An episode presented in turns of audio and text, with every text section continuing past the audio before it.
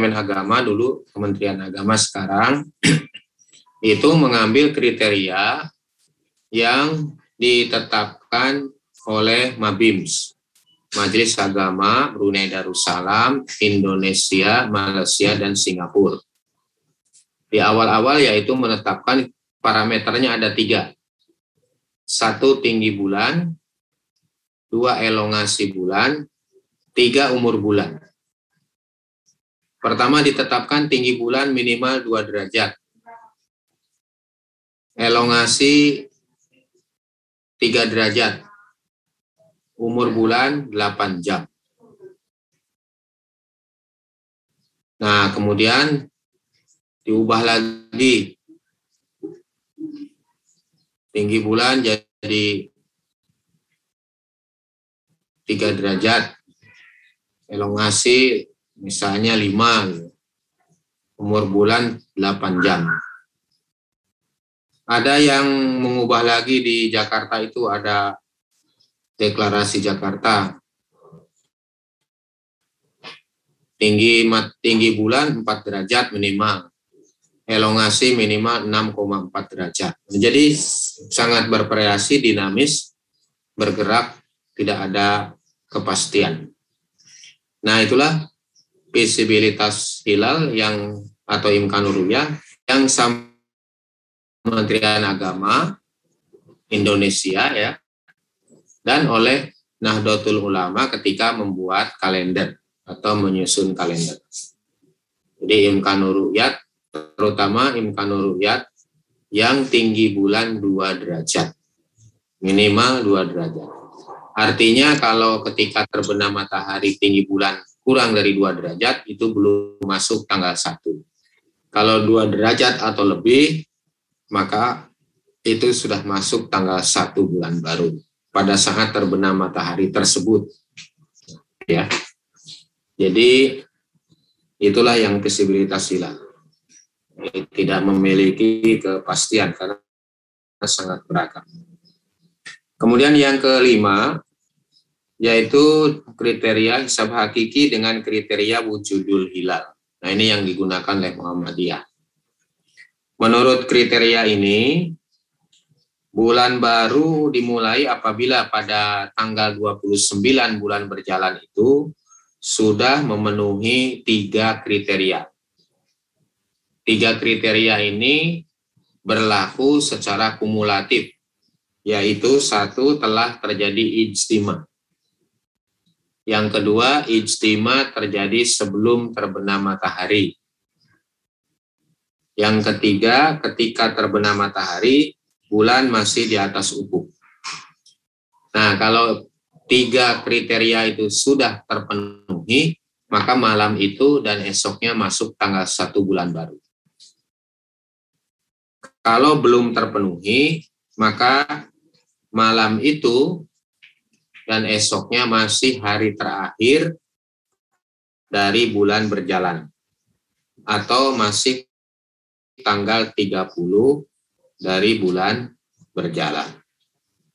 Nah, itulah yang terakhir wujudul hilal yang digunakan oleh Muhammadiyah. Nah, kriteria ini juga digunakan ya oleh kalender umur puro sekarang. Hanya saja kalau kita wujudul hilal menghitungnya di Yogyakarta marjanya itu pusat perhitungannya atau apa namanya uh, rujukannya tempatnya kota Yogyakarta. Sedangkan Umul Kuro itu kota Mekah. Jadi di situ. Selain pembeda, perbedaan yang tadi itu ya. Kalender Umul Kuro itu dengan kriteria yang sama dengan wujudul hilal ini itu salah satu nominasi yang diusulkan pada pertemuan temu pakar dua untuk pengkajian perumusan kalender Islam tahun 2008 ya salah satunya ya di antara yang lain-lain dinominasikan untuk dijadikan sebagai kalender Hijriah internasional.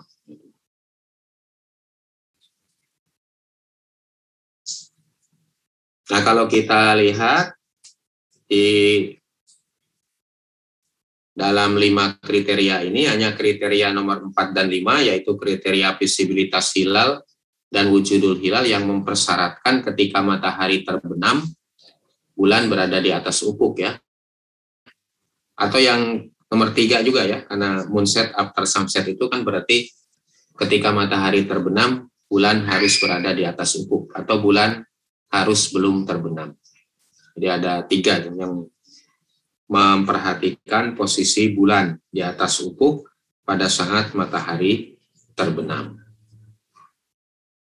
Nah, kriteria ini atau katakanlah mempersyaratkan bulan belum terbenam ini mungkin juga untuk mengakomodir rukyat itu ya. Karena kalau rukyat pasti bulannya harus di atas ufuk ketika matahari terbenam. Nah ini silahkan apa namanya nanti dibaca ulang di buku pedoman hisab Muhammad Yanti dan kemudian dicerna dipahami betul-betul itu semua kriteria yang ada itu agar supaya nanti bisa memposisikan kalau hisab wujudul hilal itu posisinya berada di mana. Nah, jadi seperti itu. Nah, sekarang silahkan kalau ada pertanyaan berkaitan dengan yang sudah dijelaskan baik barusan maupun sebelumnya. Silakan.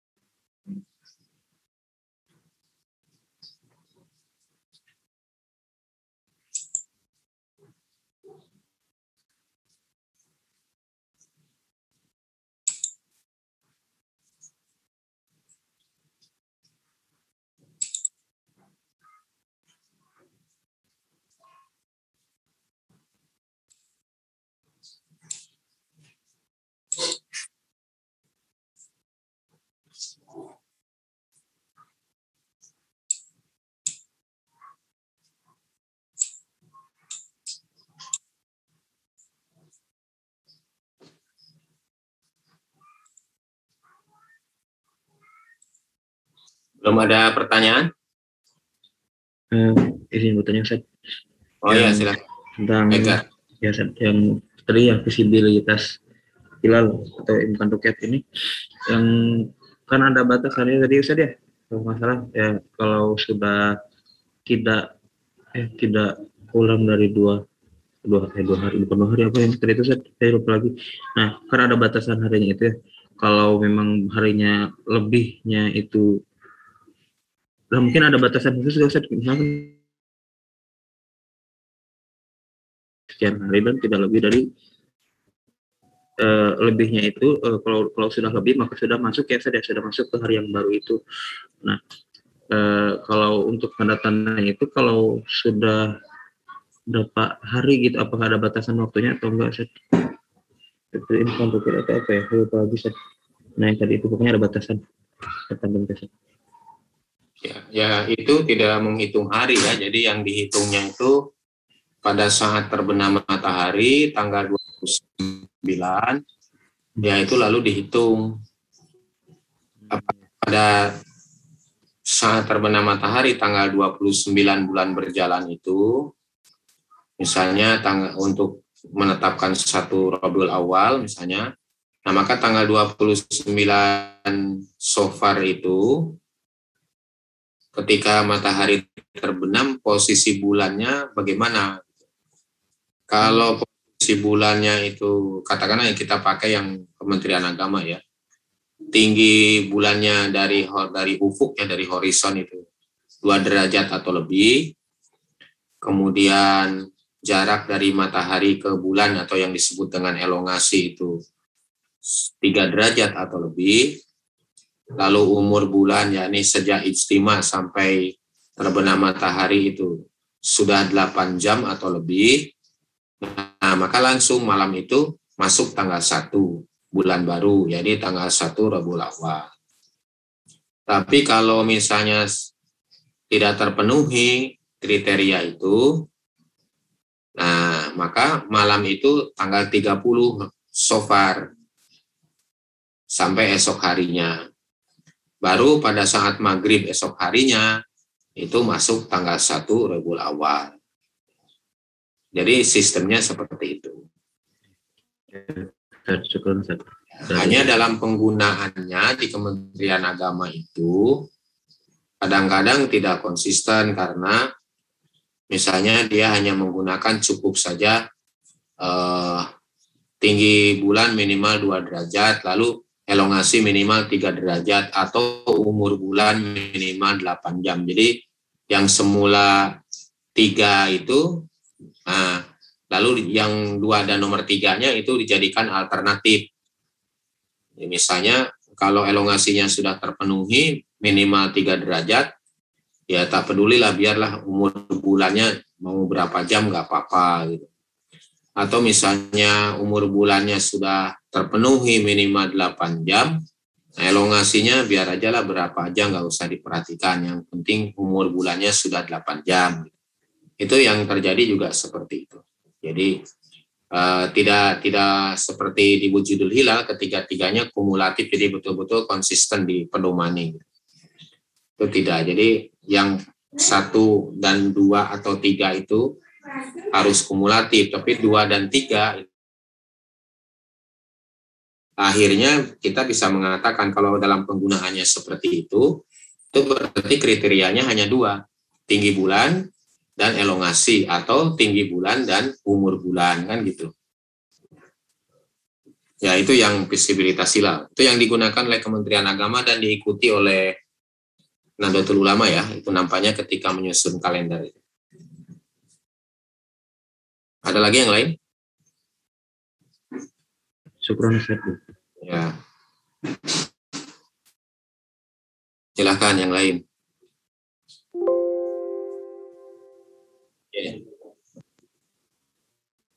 Ya, Badrut Tamam ya.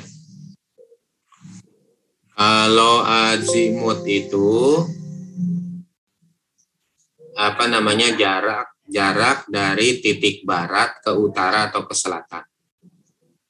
Jadi misalnya matahari terbenam itu kan tidak mesti di titik barat ya terbenamnya, tapi mungkin agak ke utara atau mungkin agak ke selatan dari titik barat.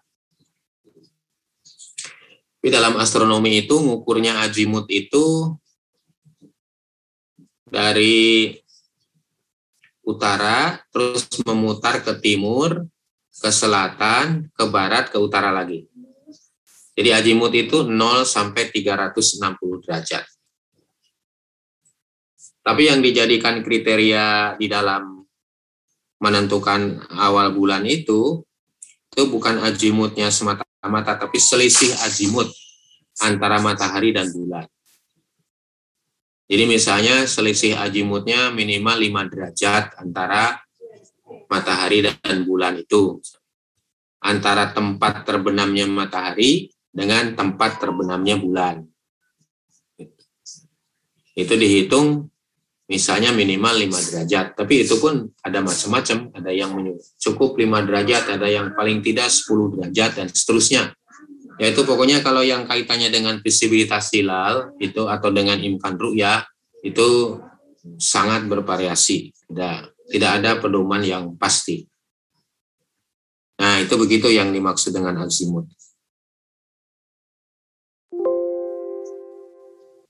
Afan.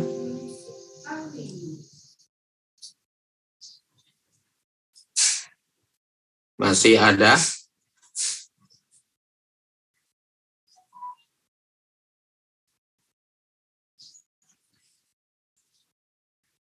Nah, kalau sudah cukup kita lanjut ya. Kita lihat dari lima kriteria itu pada akhirnya kita bisa menyimpulkan walaupun yang tadi moonset after sunset kan pada akhirnya pakai ijtima juga ya. Walaupun sebelumnya tidak. Jadi kelima-limanya itu mempersyaratkan terjadinya ijtima. ijtima atau konjungsi antara bulan dan matahari. Lalu apa itu konjungsi? Jadi kalau kita gambarkan, kita begini aja gambarannya. Kita misalnya sedang berada di bumi, lalu kita melihat ke matahari, ya. Nah, nanti bulan itu dalam setiap bulannya, bukan hariannya, kalau hariannya kelihatan ke barat geraknya ya. Tapi dalam gerak bulanannya itu, itu bergerak dari barat ke timur. Nah, suatu ketika bulan itu melewati garis penghubung bumi dengan matahari. Nah, itu kan tadi kita kita di bumi lalu ada matahari ya. Nah, lalu kita arahkan dari titik pusat bumi ke matahari. Nah, nanti suatu ketika bulan itu melewati garis itu atau melewati tidak persis garisnya tapi paling mendekati garis itu. Nah, ketika melewati garis itu atau melewati suatu jarak yang terdekat dengan garis itu, nah itu dikatakan konjungsi atau apa namanya ijtima. Nah, itu terjadi sebulan sekali. Ya, 29 hari lebih, 30 hari kurang ya. Nah, lebih dan kurangnya itu berapa? Ya, harus dihitung, tidak bisa dikira-kira. Nah, bisa bulan itu persis melewati garis tadi, garis penghubung antara bumi dengan matahari. Nah, kalau peristiwa itu terjadi, ya persis bulan melewati garis itu, maka akan terjadi gerhana matahari. Karena sinar matahari kan nanti akan terhalang oleh bulan lalu bayang-bayang bulan akan menyentuh bumi. Nah, terjadilah gerhana matahari. Gitu.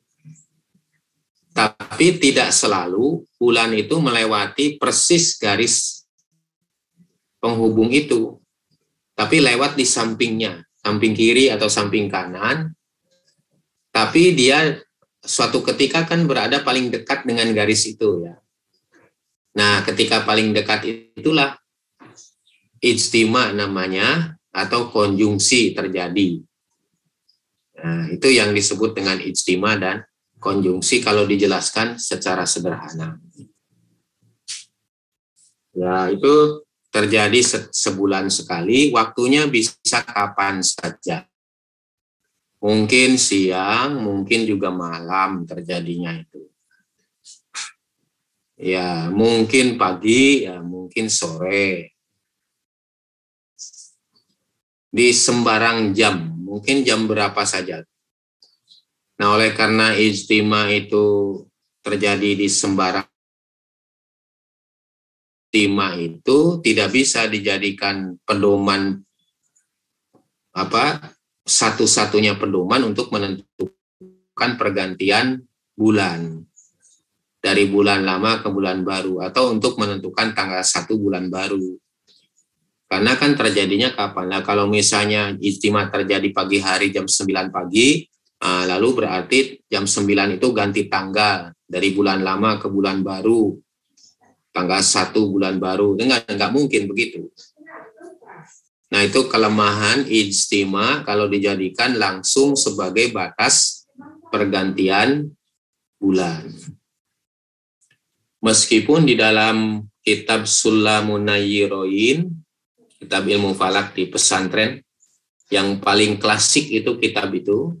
Nggak tahu di POTM ada apa enggak itu kitabnya.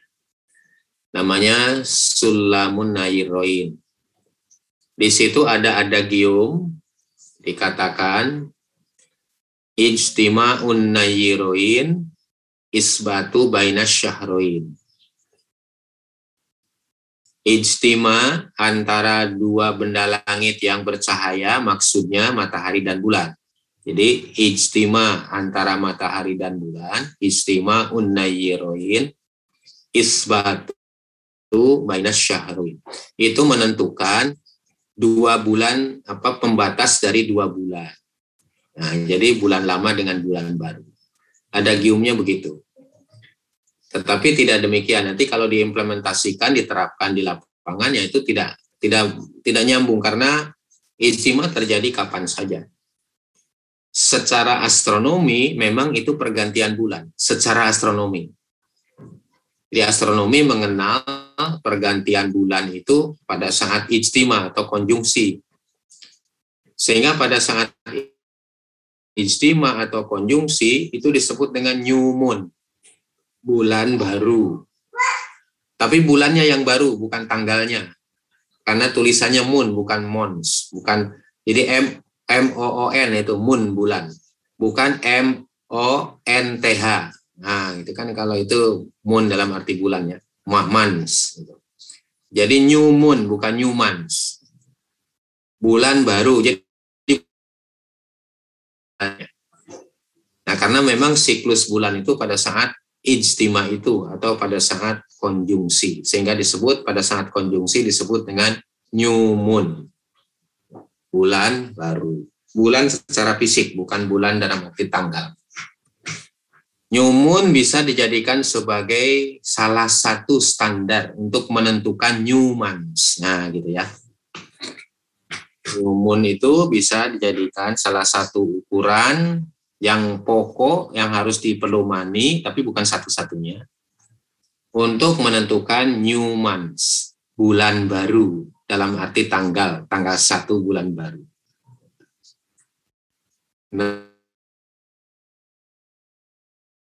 Yaitu menggunakan kriteria ijtima. Oleh karena itu ketika kita menghitung kita harus menghitung terlebih dahulu ijtima kapan ijtima terjadi. Nah, gitu. Misalnya kita akan menentukan tanggal 1 Muharram. Kapan ijtimanya terjadi itu jelang tanggal 1 Muharram. Kan gitu. Menentukan tanggal 1 Sofar ya harus dihitung dulu kapan ijtima terjadi menjelang tanggal 1 Sofar itu. Nah, jadi begitu. Ya. Nah, jadi kita nanti kalau menghitung ya harus menghitung ijtima dulu untuk menentukan awal bulan itu.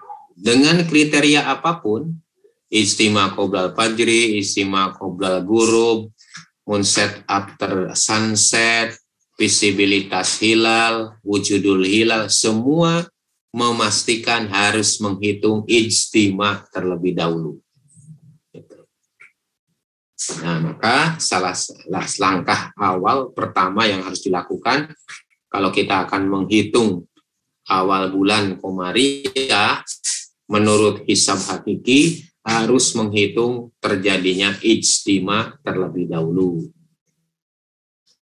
Setelah ijtima nanti bervariasi. Kalau yang ijtima qoblal fajri setelah menghitung ijtima lalu menghitung terbit fajar. Ya kan gitu. Untuk membandingkan kan mana yang lebih dulu. Karena ijtima qoblal fajri kan gitu apakah istimewa terjadi sebelum fajar apa sesudah kan gitu. Nah, jadi ngitungnya itu istimewa lalu ngitung terbit fajar.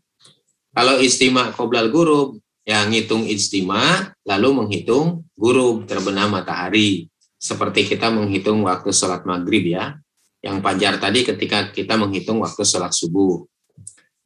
Kemudian yang sunset up ter apa namanya moonset after sunset yaitu juga menghitung istimewa dulu kan tadi karena sudah direvisi ya. Yang semula tidak menggunakan istimewa tapi lalu ada kasus ya lalu terpaksa juga harus menggunakan istimewa. Lalu yang visibilitas hilal juga gitu itu harus memperhitungkan dulu istimewa kapan itu istimewa terjadi. Nah, apalagi yang wujudul hilal, wujudul hilal sangat tegas di situ dalam kriterianya, yaitu telah terjadi ijtima. Berarti harus menghitung ijtima. Nah, yang moonset after sunset setelah menghitung ijtima nanti menghitung terbenam matahari dan terbenam bulan mana yang duluan pada hari terjadi ijtima itu.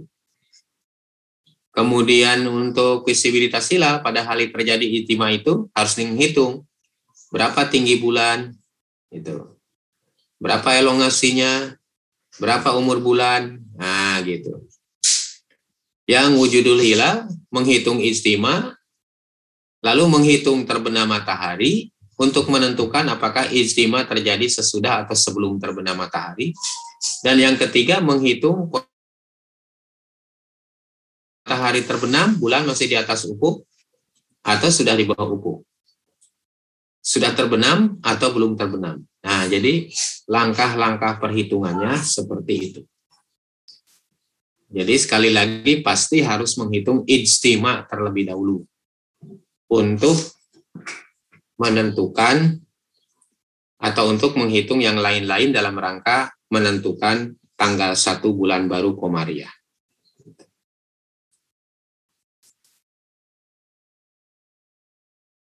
Ya, nanti bisa ditelusuri di buku pedoman hisab Muhammadiyah itu.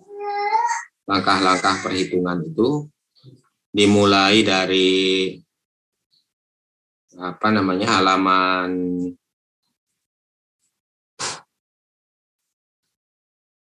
mulai halaman berapa ini? Halaman 73 ya penentuan awal bulan. Nah mulai dari situ. Yang langkah-langkahnya yang spesifik itu mulai halaman 82 nah di situ ada rinciannya. Ya, tapi biasanya rincian seperti itu tidak mudah untuk segera diketahui atau dipahami ya. Tetap memerlukan memerlukan penjelasan. Meskipun sudah ada contohnya. Biasanya tetap memerlukan penjelasan itu. Terbukti misalnya kalau hanya ditunjukkan contoh itu lalu diminta untuk menghitung yang lain di luar contoh itu, Ya, pasti kalau diminta kan yang, yang di luar contoh, kalau yang dicontoh itu yang nggak usah, sudah dihitung. Itu biasanya tidak sedikit yang kemudian salah. Ya seperti kita kemarin lah apa hisab urfi ya. Nah, kan bisa jadi berkali-kali kita salah. Nah, kesalahan itu sebenarnya sangat mudah ditebak. Kenapa bisa salah? karena belum mengerti itu. Itu pasti itu. Uh, mestinya misalnya tidak mengik mestinya mengikuti pola yang ada dalam contoh. Nah, gitu. Yang diikuti itu polanya. Nah, ini yang diikuti itu contohnya bukan polanya gitu. Jadi kalau di contoh itu misalnya ada angka satu tahun, ya terus disalin aja satu tahun. Padahal itu polanya begitu gitu. Untuk hitungan yang diberikan atau yang disuruh dihitung mestinya bukan satu tahun gitu.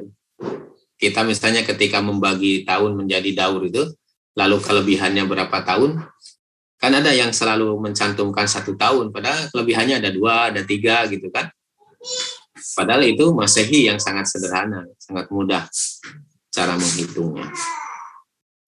Nah, jadi kita nanti akan mulai masuk bagaimana langkah-langkah perhitungan itu dimulai dengan menghitung ijtima tadi atau konjungsi. Kita jeda dulu ya.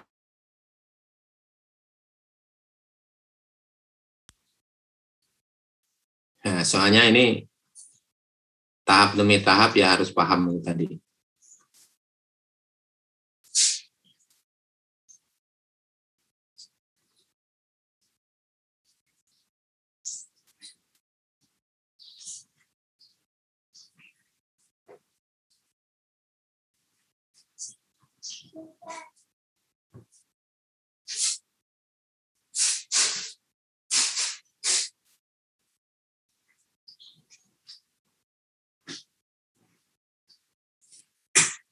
Udah dilanjut dulu sebentar ya. Biar tuntas. Nanti baru ada pertanyaan mungkin setelah dilanjut. Jadi sudah tetapkan ketika kita akan menghitung awal bulan Komariah secara menurut hisab hakiki ya. Sistem hisab hakiki bukan urfi, maka langkah pertama kita harus menghitung ijtima terlebih dahulu. yakni ijtima bulan dan matahari atau konjungsi antara bulan dan matahari.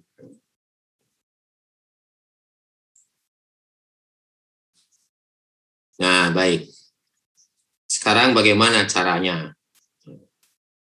Untuk menghitung ijtima, atau konjungsi matahari dan bulan itu memerlukan data.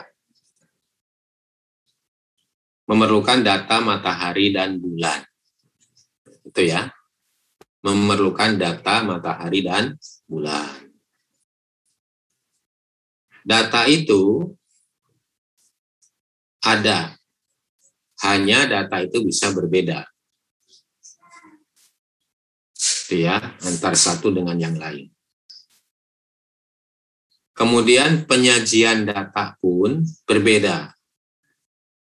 Ada penyajian data yang menggunakan sistem kalender Komaria, ada yang menyajikan data dengan menggunakan sistem kalender Masehi.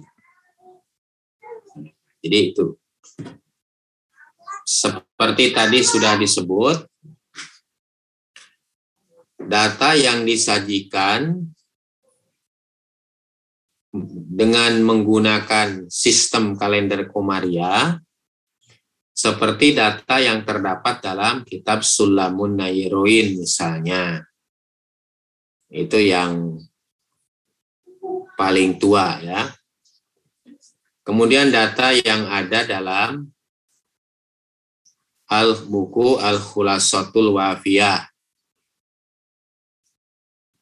Kemudian data yang ada dalam buku Qawaidul Fikih, Qawaidul Falakiyah. Kemudian data yang ada dalam buku apa itu namanya Irsyadul Ahlil Millah atau apa ya. Jadi ada intinya ada yang disajikan dalam sistem kalender Komaria.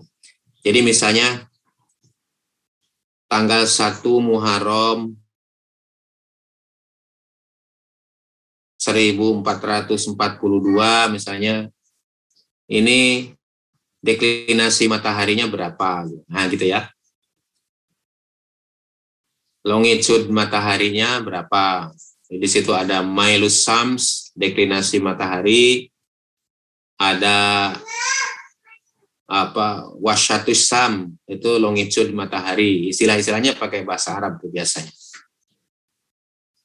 Nah terus yang kedua data yang disajikan dalam kalender masehi. Jadi misalnya tanggal 1 Januari 2021 deklinasi matahari berapa longitude matahari berapa dan seterusnya Nah, jadi ada dua, ada dua, dua penyajian. Nah, Ana melihat ada dua hal perbedaannya. Satu, data yang disajikan di dalam literatur yang bahasa Arab khususnya yang menggunakan kalender Komaria itu rata-rata tidak update atau dengan kata lain kurang akurat, kurang lengkap. Nah, berbeda dengan itu data yang disajikan melalui kalender Masehi. Kalau data yang disajikan melalui kalender Masehi itu itu update relatif. Misalnya dari tahun ke tahun itu ada bisa dihitung, bisa di Tapi kalau yang pakai Komariah itu nampaknya itu datanya untuk tahun berapa sekian tahun yang lalu gitu. Hanya kemudian nanti di kelipatan-kelipatan dikalikan dikalikan gitu aja. Jadi tidak real time. Kalau yang disajikan dalam kalender Masehi itu apa real time. Salah satu contoh yang paling sederhana yang digunakan oleh kita di Indonesia yaitu data yang ada dalam epemeris hisab ru'yat. Udah pernah lihat ya? yang data matahari, data bulan gitu kan, yang di ephemeris sisa berubah. Nah itu paling sederhana tapi cukup lengkap dan cukup akurat. Nah, kita menghitung ijtima akan menggunakan data yang disajikan dalam kalender Masehi. Alasannya tadi karena dia akurat dan update. Itu ya. lebih akurat dan dia update terus. Jadi tidak menggunakan dalam perhitungan kita tidak menggunakan data yang disajikan dalam bentuk kalender Komaria dalam buku-buku tertentu. Nah, oleh karena itu, nah, karena datanya itu ada dalam kalender Masehi yang kita pakai, maka ketika satu bulan baru harus dilakukan konversi terlebih dahulu dengan metode perbandingan tarikh. Nah, gitu. Umpamanya begini. Kita akan menentukan tanggal 1 Rabiul Awal 1443 Hijriah. Misalnya gitu. Ini kan sekarang bulan Sofar ya. Setelah Sofar Rabiul Awal. Nah, akan tentukan kita tanggal 1 Rabiul Awal itu tahun ini itu hari apa, lalu pasarannya apa. Nah, maka kita harus menghitung dulu yang dihitung adalah ijtima terlebih dahulu. Nah, ijtima itu kapan? Kita biasanya menghitung itu setiap tanggal 29 bulan berjalan. Jadi misalnya kalau akan menentukan tanggal 1 Rabiul Awal, ya kita tentu kita hitung ijtimanya itu tanggal 29 Sofar. Kalau kita akan menentukan satu Ramadan, kita hitung tanggal 29 Sa'ban. Kalau kita akan menentukan satu Syawal, maka kita menghitung istimanya tanggal 29 Ramadan. Jadi tanggal 29 bulan sebelumnya.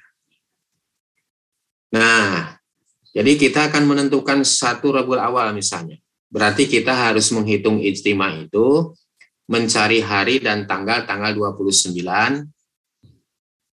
Sofar. Nah pertanyaannya, tanggal 29 Sofar itu bertepatan dengan tanggal berapa, bulan apa, tahun berapa Masehi. Karena datanya nanti yang akan diambil dari kalender Masehi.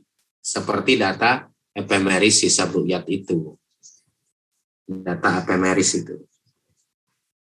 Nah, jadi di sini berlakulah apa yang disebut atau yang kita sudah kita pelajari perbandingan tarikh atau konversi tanggal 29 bulan tertentu itu bertepatan dengan tanggal berapa, bulan apa, tahun berapa Masehi untuk mengambil data.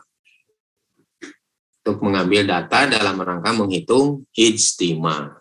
Nah, jadi itu jalan pikirannya. Nah, sekarang kita coba. Kita akan menentukan, ini boleh dicatat ya, kita akan menentukan tanggal 1 Rabiul Awal 1443 Hijriah.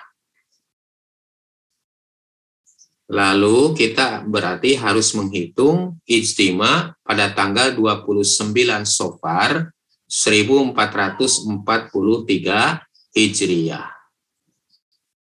Nah, sekarang tanggal 29 Sofar 1443 Hijriah itu itu tanggal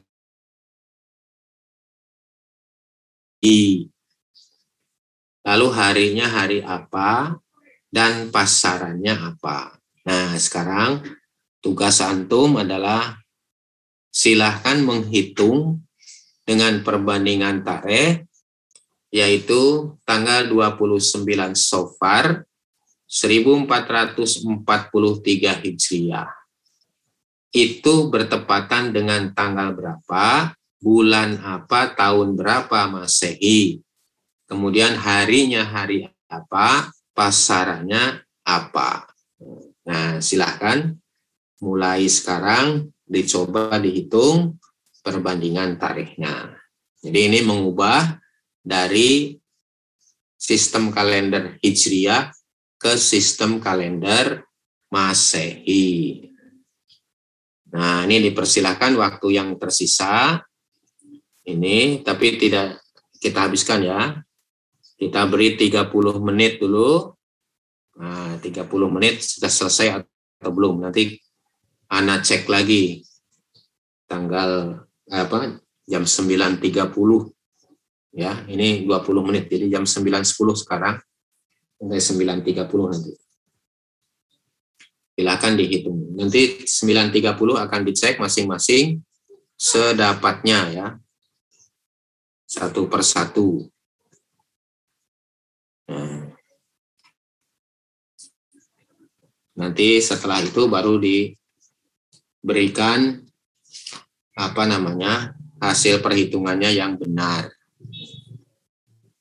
Dari dua tahun ini ada kabisatnya satu kan, jadi dua kali tiga lima empat ditambah satu karena ada kabisat satu nih, yaitu tahun kedua. Terus satu bulan, nah, karena ini ada satu bulan ya Muharram itu berarti 30 hari. Lalu ini yang hari 29 Sofar itu 29 hari. Nah ini lalu jumlahnya. Nah, kemudian untuk selisih antara Masehi dan Hijriah, kita sudah tahu ya, nggak perlu dihitung lagi ya, yaitu 227015 kan gitu. Nah, sekarang tinggal mencari jumlah hari Masehi, yaitu hasil tadi, hasil yang tadi yaitu ini 511056 terus ditambah 227015 maka hasilnya 738071 nah lalu berikutnya mengubah menjadi mengubah ini jumlah hari yang ini yang 738071 menjadi daur tahun bulan dan hari masehi nah untuk menjadikan daur dibagi 1461 hari ya dapat 555 daur masih lebih 266 hari. 505 daur itu 505 kali 4 tahun, jadi 2020 tahun. Nah, ketika ini, ketika menemukan tahun ini, ingat ini tahun 2020 berarti. Berarti nanti akan masuk tahun 2021. Nah, ingat anggaran Gregorius itu sudah berapa hari? Oh, kalau tahun 2021 itu masih 13 hari. Nah, maka 266 hari itu ditambah 13 hari. Ini 13 hari ini anggaran Gregorius 13 ya. Anggaran Gregorius ke-13, penambahan 13 hari. Jadi kalau mengubah dari jumlah hari ke tanggal ini ya, ini ditambahkan 13-nya. Tapi kalau mengubah tanggal menjadi jumlah hari, 13-nya dikurangkan kan gitu ya. Nah, jadi ini 279. Lalu 279 ini enggak mencapai satu tahun ya. Karena satu tahun itu 365 hari kan. Iya, Mencapai berapa bulan. Nah itu diingat ya. Kalau ini kan masuknya nanti akan masuk tahun 2021. Berarti tahun 2021 itu tahun Basito, bukan tahun Kabisat. Berarti Februarinya 28. Nah, kita tinggal menjumlah aja dari Januari sampai bulan berapa ini. Ketika dihitung sampai bulan ke-9 yaitu ya sampai 9 September sampai September itu sampai 9 bulan itu itu ada 273 hari. Antum bisa bikin tabel ya, yang KB1 31 hari, akhir Februari 59, akhir Maretnya jadi apa 90 gitu kan bisa ya. Nanti ada ketemu nih 273 hari. Nah, kalau 9 bulan itu berarti di sini 273 hari umurnya. Berarti masih lebih 6 hari. Nah, maka kita buat rumusannya 2020 berarti kan ditambah 9 bulan, tahunnya tidak ada, tambah 6 hari. Nah, ini berarti tanggal 6 lalu masuk ini bulan ke-10 masuk tahun ke 2021. Maka simpulannya adalah 6 Oktober 2021 gitu kan. Nah, kemudian setelah itu ya menyimpuk mencari harinya dah Nah, seperti tadi ini dari Hijriah ini dibagi sisa 0 berarti Rabu, sisa 1 Kliwon. Dari Masehi ini sisanya 5 berarti Rabu ya. Nah, sis ini sisa satu berarti Kliwon. Nah, jadi sama-sama Rabu Kliwon. Ini dah apa namanya kemungkinan benar karena hari dan pasaran sama. Nah, sehingga kesimpulannya 29 Sopar 1443 Hijriah sama dengan Rabu Kliwon 6 Oktober 2021 Masehi. Nah, setelah ini lalu kita membuka data. Untuk menghitung istimewa membuka data, kita pakai saja data yang di epemeris sisa bruyat itu atau yang antum sudah punya belum ya yang dimasukkan di anu eh, di HP itu? Epemeris mius itu. Ada yang sudah? Nah, itu ya. Nah tinggal dibuka di situ adalah tanggal 6 Oktober tahun 2021 nah gitu jadi perbandingan tarikh ini untuk mengetahui tanggal berapa dalam kalender Masehinya sehubungan dengan data yang kita ambil dari kalender Masehi ya. Jadi Anda mengatakan ya itu penting perbandingan tarikh itu walaupun tidak tepat betul ya, terutama untuk mengawali perhitungan.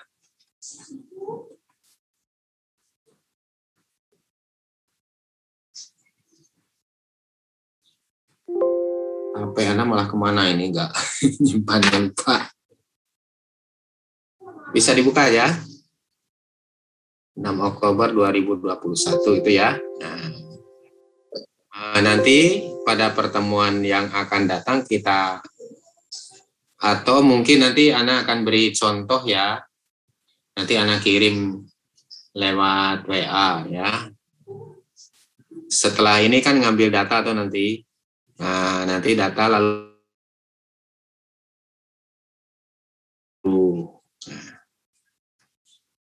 Nah, sebelum ini ada pertanyaan enggak? Saya kira kalau sudah ada contoh yang benar menghitung tadi Dimas sama Badru Tamam ya, ya yang lain bisa ngikuti lah mungkin masih. Ya terus makanya dilatih-latih terus tuh supaya tidak hilang, tidak lupa. Apa kan? Siapa ini ya? Uh, Dimas, oh, Dimas silakan Dimas.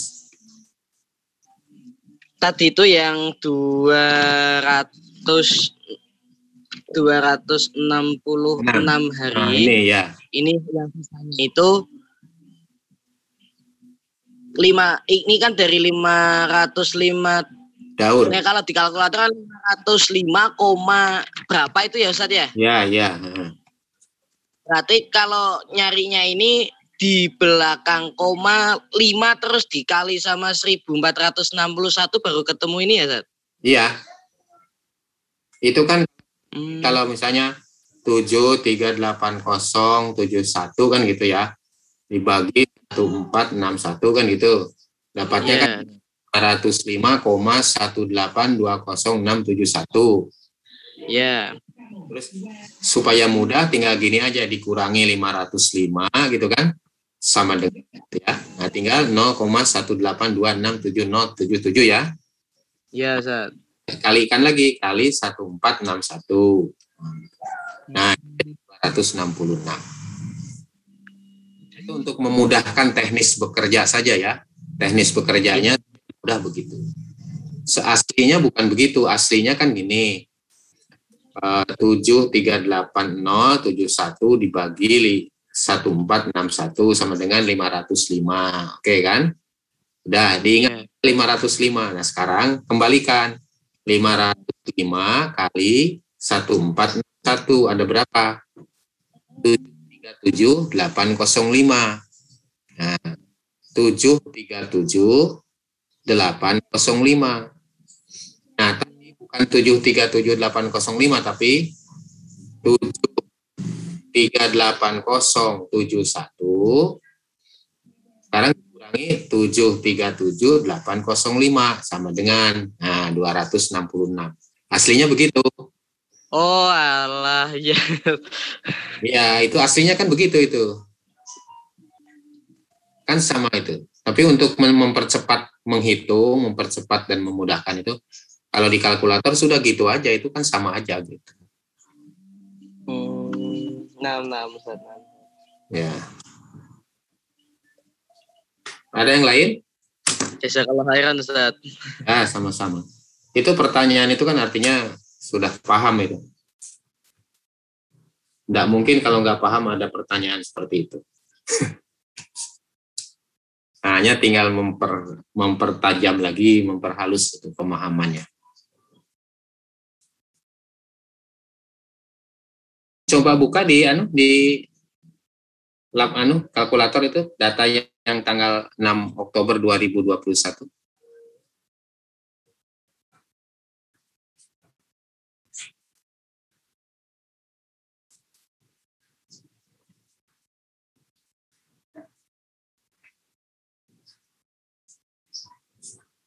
Ya nanti dibuka ya, dibuka di, di anu yang yang win hisab itu. Ya baik, untuk sementara kita cukupkan sekian dulu ya pertemuan kita.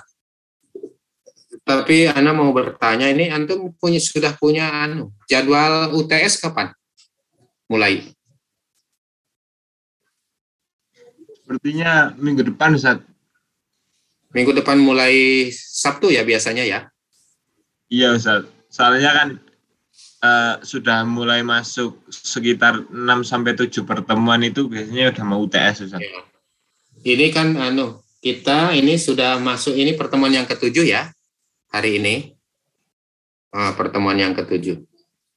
Jadi nanti kalau nanti minggu depan itu harus harus UTS, kemudian kalau pas UTS kan kuliahnya nggak ada. Nah, bahan untuk UTS-nya itu sampai menghitung ijtima, tapi untuk menghitung ijtimanya nanti Anda akan beri contoh saja ya, yang ini yang melanjutkan yang ini. Nah, nanti untuk UTS-nya pelajari. Nanti kalau ada contoh itu tidak paham, dan nanti tanya lewat WA boleh ya. Itu. Karena mungkin tidak ada pertemuan lagi kalau minggu depan UTS. Biasanya seminggu ya, waktunya. Yes, iya, Ya, ya nanti materinya dari mulai kalender itu, kan kita mulainya kalender ya, kuliah ini tentang kalender. Yes, terus perbandingan tarikh, terus perhitungan ijtima ini nanti, tapi belum tuntas, Anda akan berikan contoh nanti, antum nanti kalau ada dalam UTS itu tinggal melihat mem, apa, mengikuti pola yang ada di contoh itu. Ya baik nanti Anda mau tanya ke UTM kapan sudah ada jadwal apa belum ya. Tapi mungkin ya minggu depan itu. Baik kali ini kita akhiri. Siapa yang tidak hadir? Apa hadir pertemuan ini? Kalau hadir semua harusnya 22. Ini 20. Siapa ya? Ripki Wanda sudah sembuh yang kemarin sakit ya minggu Sabtu kemarin. 11 tambah 11 22 harusnya. Nanti tolong di WA kan ya yang tidak masuk hari ini. Izin atau apa atau sakit itu ya. Iya, Baik, kali ini kita akhiri dengan pertemuan ini mengakhirinya dengan hamdalah bersama-sama.